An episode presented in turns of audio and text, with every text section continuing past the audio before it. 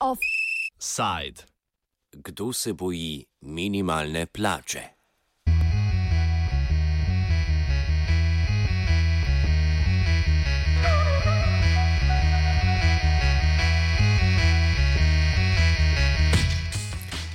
Včeraj je na sedežu Zveze svobodnih sindikatov Slovenije v organizaciji stranke Levica potekal posvet o dvigu minimalne plače. Levica je predlog spremembe zakona o minimalni plači v parlamentarno proceduro vložila konec oktobra. Ta predvideva dvig minimalne plače z daljšnih 613 na 700 evrov in izuzem vseh dodatkov iz minimalne plače. Poleg tega predlog uvaja novo formulo za rast minimalne plače in sicer tako, da bi ta bila vedno za 20 odstotkov višja od minimalnih življenjskih stroškov. Predlog je konec prejšnjega meseca zavrnil odbor državnega zbora za delo, družino, družino socialne zadeve in invalide, prav tako pa mu nasprotuje vlada. Na včerajšnjem posvetu so poleg prvo podpisanega predlagatelja Luke Meseca sodelovali še strokovni sodelavec Levice Marko Kržan, ekonomista Franček Drenovec in Urban Sušnik ter sociolog Srečo Dragoš.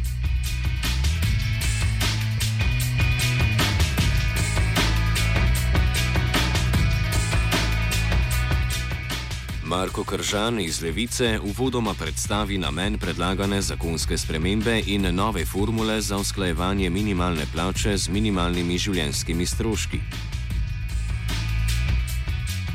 Mi se zauzemamo za to, ne, da minimalna plača ne bi smela pasti, da bi morala biti vsaj 20 odstotkov višja od minimalnih življenjskih stroškov, medtem ko so uh, dosedanje vlade ponovadi izhajali iz tega, da naj se pač eh, neto minimalna plača določi na, uh, na ravni življenjskega minimuma. To je velika razlika. Uh, ne samo številčna, ampak deloma tudi moralna.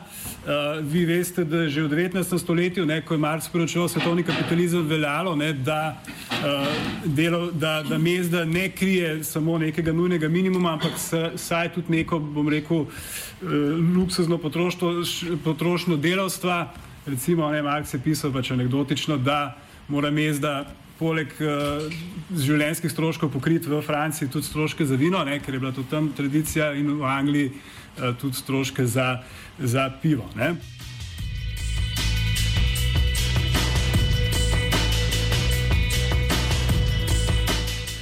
Usklajevanje minimalne plače z minimalnimi življenjskimi stroški bi pomenilo njen dvig na 736 evrov, kar je za dobrih 120 evrov več kot sedaj.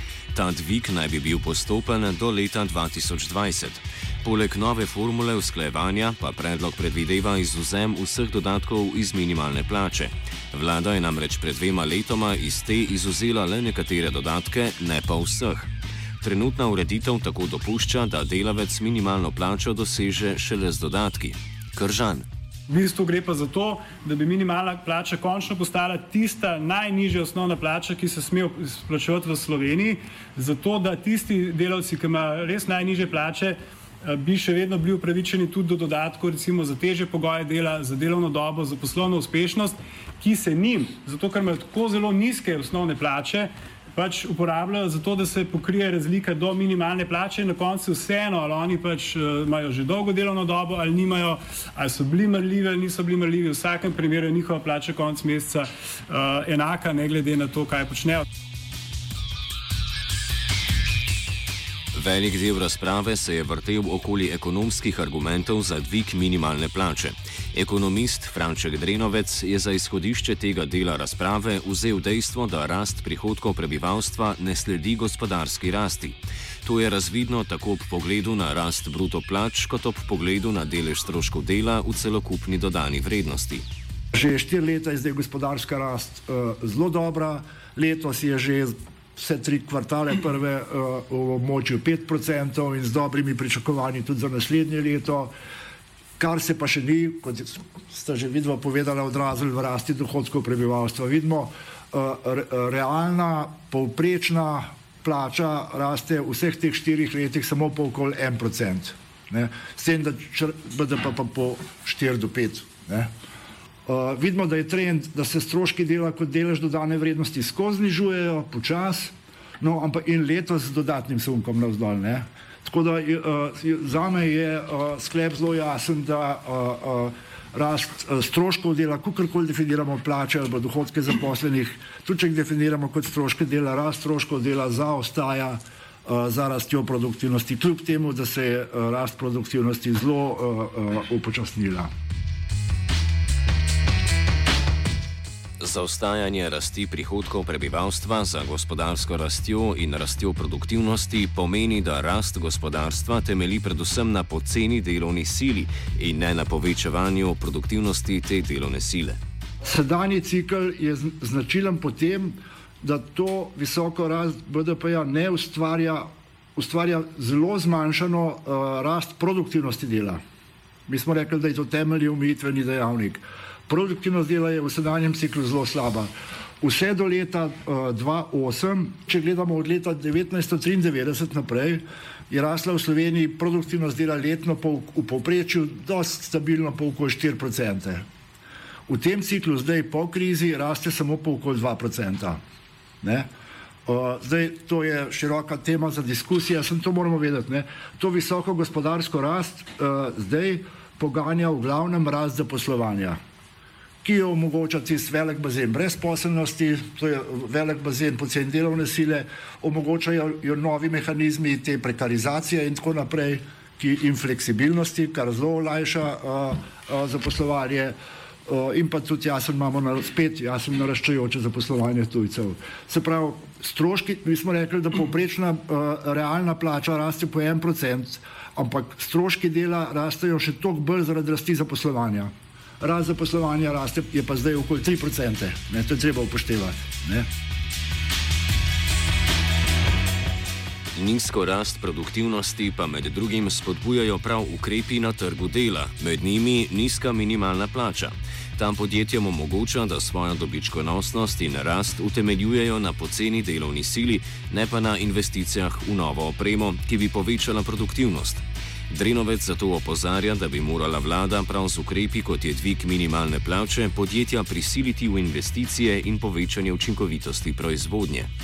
Moramo upoštevati, da so med plačami in produktivnostjo uh, zveze v obe smeri. To si ti v glavnem že umenil. Ne, ne smemo se ni vlada, ki vod politike, se ne sme samo vprašati, ali pri tej dani rasti produktivnosti je luft za rast plač. Ne, posel vlade je, da pritiska v smeri, da poveča pritisk na rast produktivnosti. Ne. Uh, danes je glede tega uh, ena zelo uh, situacija, v kateri je vladna politika dobesedno nujna. Danes Nizka, eden od razlogov za to nizko rast produktivnosti, ko jo vidimo v tem ciklu, je tudi ta, da preprosto podjetja niso pod prisilo, da bi vlagala napore za povečevanje produktivnosti. Ker čist preprosto uh, raj stavijo na pocen delovno silo. Ne samo to, podjetja imajo z vladno podporo tudi popolno, zelo velik uh, uh, stopin prostosti za to, da se poslužujejo socialnega dumpinga. Uh, min grede, uh, socialni dumping pomeni, da uh, delodajalsko zanikrna podjetja izrivajo z trga uh, delodajalsko spodobnejša podjetja, ker jim kradejo prostor. Uh, uh, in kadar postane uh, ta struktura, kako bi rekel, ta način obnašanja že zelo vpliven, je to uh, zelo nevaren in vodi v razvojno slepo ulico. Uh, in vla, uh, to je situacija, v kateri vlada more stopiti noter in more forsirati pro procese. Vlada ne sme sem gledati. Ne? Pa je dost lufta za zvišanje plača? Je, ne, ni res. Vlada more pritiskati tudi preko plač, tudi druge, ampak tudi preko plač na zvišanje produktivnosti. Podjetja, ki zaradi dostopne poceni delovne sile niso prisiljena investirati v izboljšave proizvodnje doma, svoje dobičke vlagajo v tujini.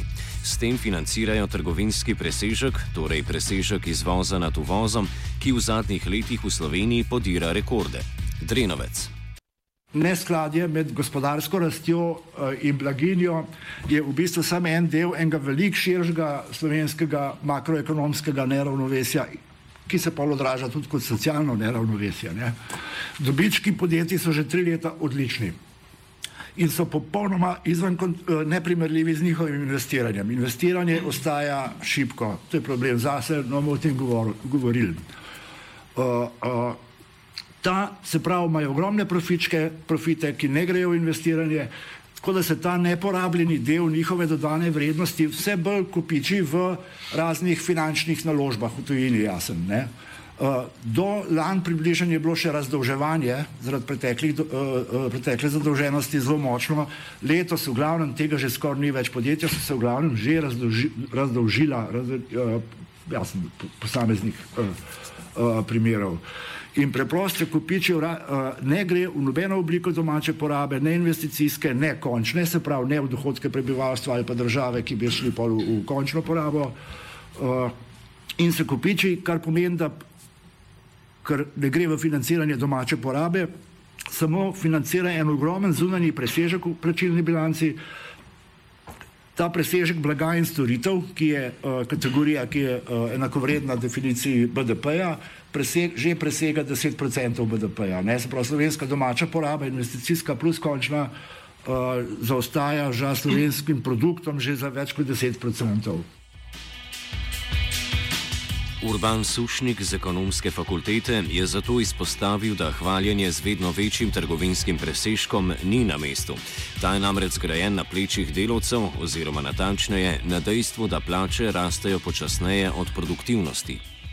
To, ne, da, da plače ne sledijo produktivnosti, pa oziroma tudi to, kar je bilo omenjeno kot neka moč slovenskega gospodarstva v tem, da je sposobno izvažati, da ima, da ima neto presežek do tujine. Uh, to morate vedeti, da ravno zaradi nizkih plač imamo ta presežek. Uh, isti fenomen se je videl uh, pri teh, kaj so že bile Hartove ali Hartove reforme tam v, v Nemčiji, ne? Uh, kjer se je ta razkorak med produktivnostjo in rastjo realnih plač izvozil. Uh, in tako da hvaliti se z našim zunanjim presežkom, to ni mislim, jaz tega ne bi počel zato, ker je grejen na tem, da pač, okay, imamo že tako nizko stop, stopnjo rasti produktivnosti, ampak plače nam rastejo pa še počasneje. Ne? V takšno strukturo gospodarstva, ki temelji na vzdrževanju konkurenčnosti na račun delovskih mest, pa Slovenijo sili tudi Evropska unija. Ta namreč kaznuje države s trgovinskimi primankljaji in jim narekuje vse splošno liberalizacijo, zato je vzdrževanje presežkov varnejša politika. Ne, moramo vedeti, kje se mi nahajamo. Mi se nahajamo v Evropski uniji, ki je, uh, inst, mislim, ki je institucionalno ustrojena za to, da, pač, da, da, te, da ti naredi optimalni scenarij, da si izvoznik. Ker če boš uvoznik, uh, neto uvoznik, uh, to tudi pomeni, da boš neto dolžnik do tujine uh, in potem te imajo v pasti, ki bo padel uh, BDP, ki ti bojo padli tvoji dohodki, uh, mislim, ker bo, ne, bo naslednjič konc te konjunkture, ko bo prišli do krize, se ti lahko zgodi mini Grčija. Ne. Tako da iz, iz čisti iz vidika, ne, zdaj, to ni čist, recimo temu čist uh, ekonomski, kot bolj argument verjetnosti, ne pač moraš se na nek način zihrati, po domač povedati. Ne.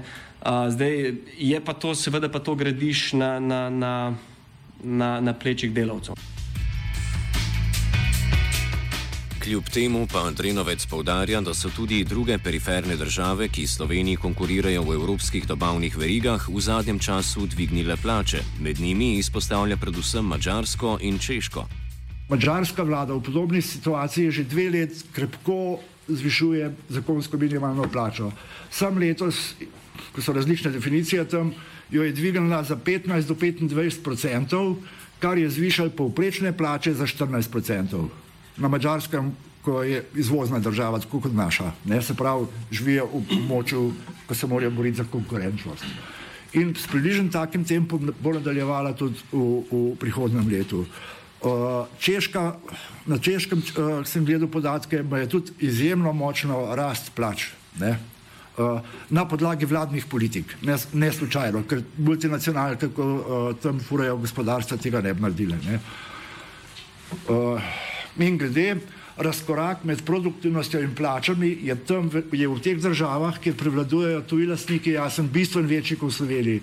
Čisto preprosto, naprimer ena en podjetje, ki proizvaja avtomobile, ki je tehnološko primerljiv z revozom, dela tam uh, za približno enak kvalificirano in disciplinirano delovno silo, uh, ki jo plačuje približno dve tretjine to kot slovenska. Ne. To je jasen pol, da tam so odlični profiti.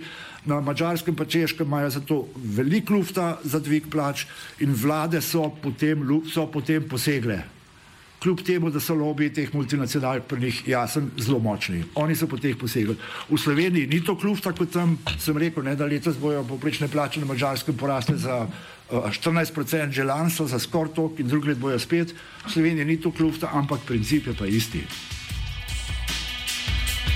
Če sta Sušnik in Drenovec na posvetu izpostavljala predvsem ekonomske argumente, zakaj bi bil dvig minimalne plače dolgoročno koristen, pa je Srečo Dragoš z Fakultete za socialno delo izpostavil socialni vidik.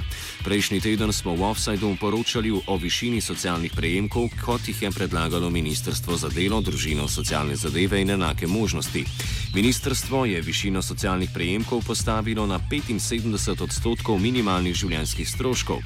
Argument, da socialni prejemki ne morejo zadostovati za pokritje celotnih stroškov, je bil, da bi v tem primeru znižali motivacijo za delo. Torej, da bi bili v tem primeru socialni prejemki preblizu minimalni plači. Dragoš zato izpostavlja, da bi dvig minimalne plače omogočal tudi dvig socialnih transferjev na nivo, ki bi omogočal preživetje. Izjava ministrice, to tudi vse splošno znano, tudi vlada tega ne taji, Eh, da, da obstoječa denarna socialna pomoč ne omogoča preživetja. Vendar v intervjuju, kjer je to napovedovala dvig uh, socialnih pomoči na tistih napovedanih 331 evrov, hkrati tudi upozarja, kot vidite z rdečim, na te kategorije, minimalni življenjski stroški, uh, denarna socialna pomoč, minimalna plača, da jih je treba obravnavati povezano, žal povzroči dvig samo na eni strani distorzijo. Tako da zdaj tu upelje to teorijo, teoretski donesek distorzije. Eh, s tem ni mišljeno, da če bi uh, dvignili minimalno plačo, pa pustili ne, uh, socialnih pomoči nepovečanih, da, da je bilo to nekaj narobe. Ampak uh, stvari pred obratnim. Ne. Če dvignete socialne pomoči, potem uh, bo uh, premehna razlika do minimalne plače in tako naprej.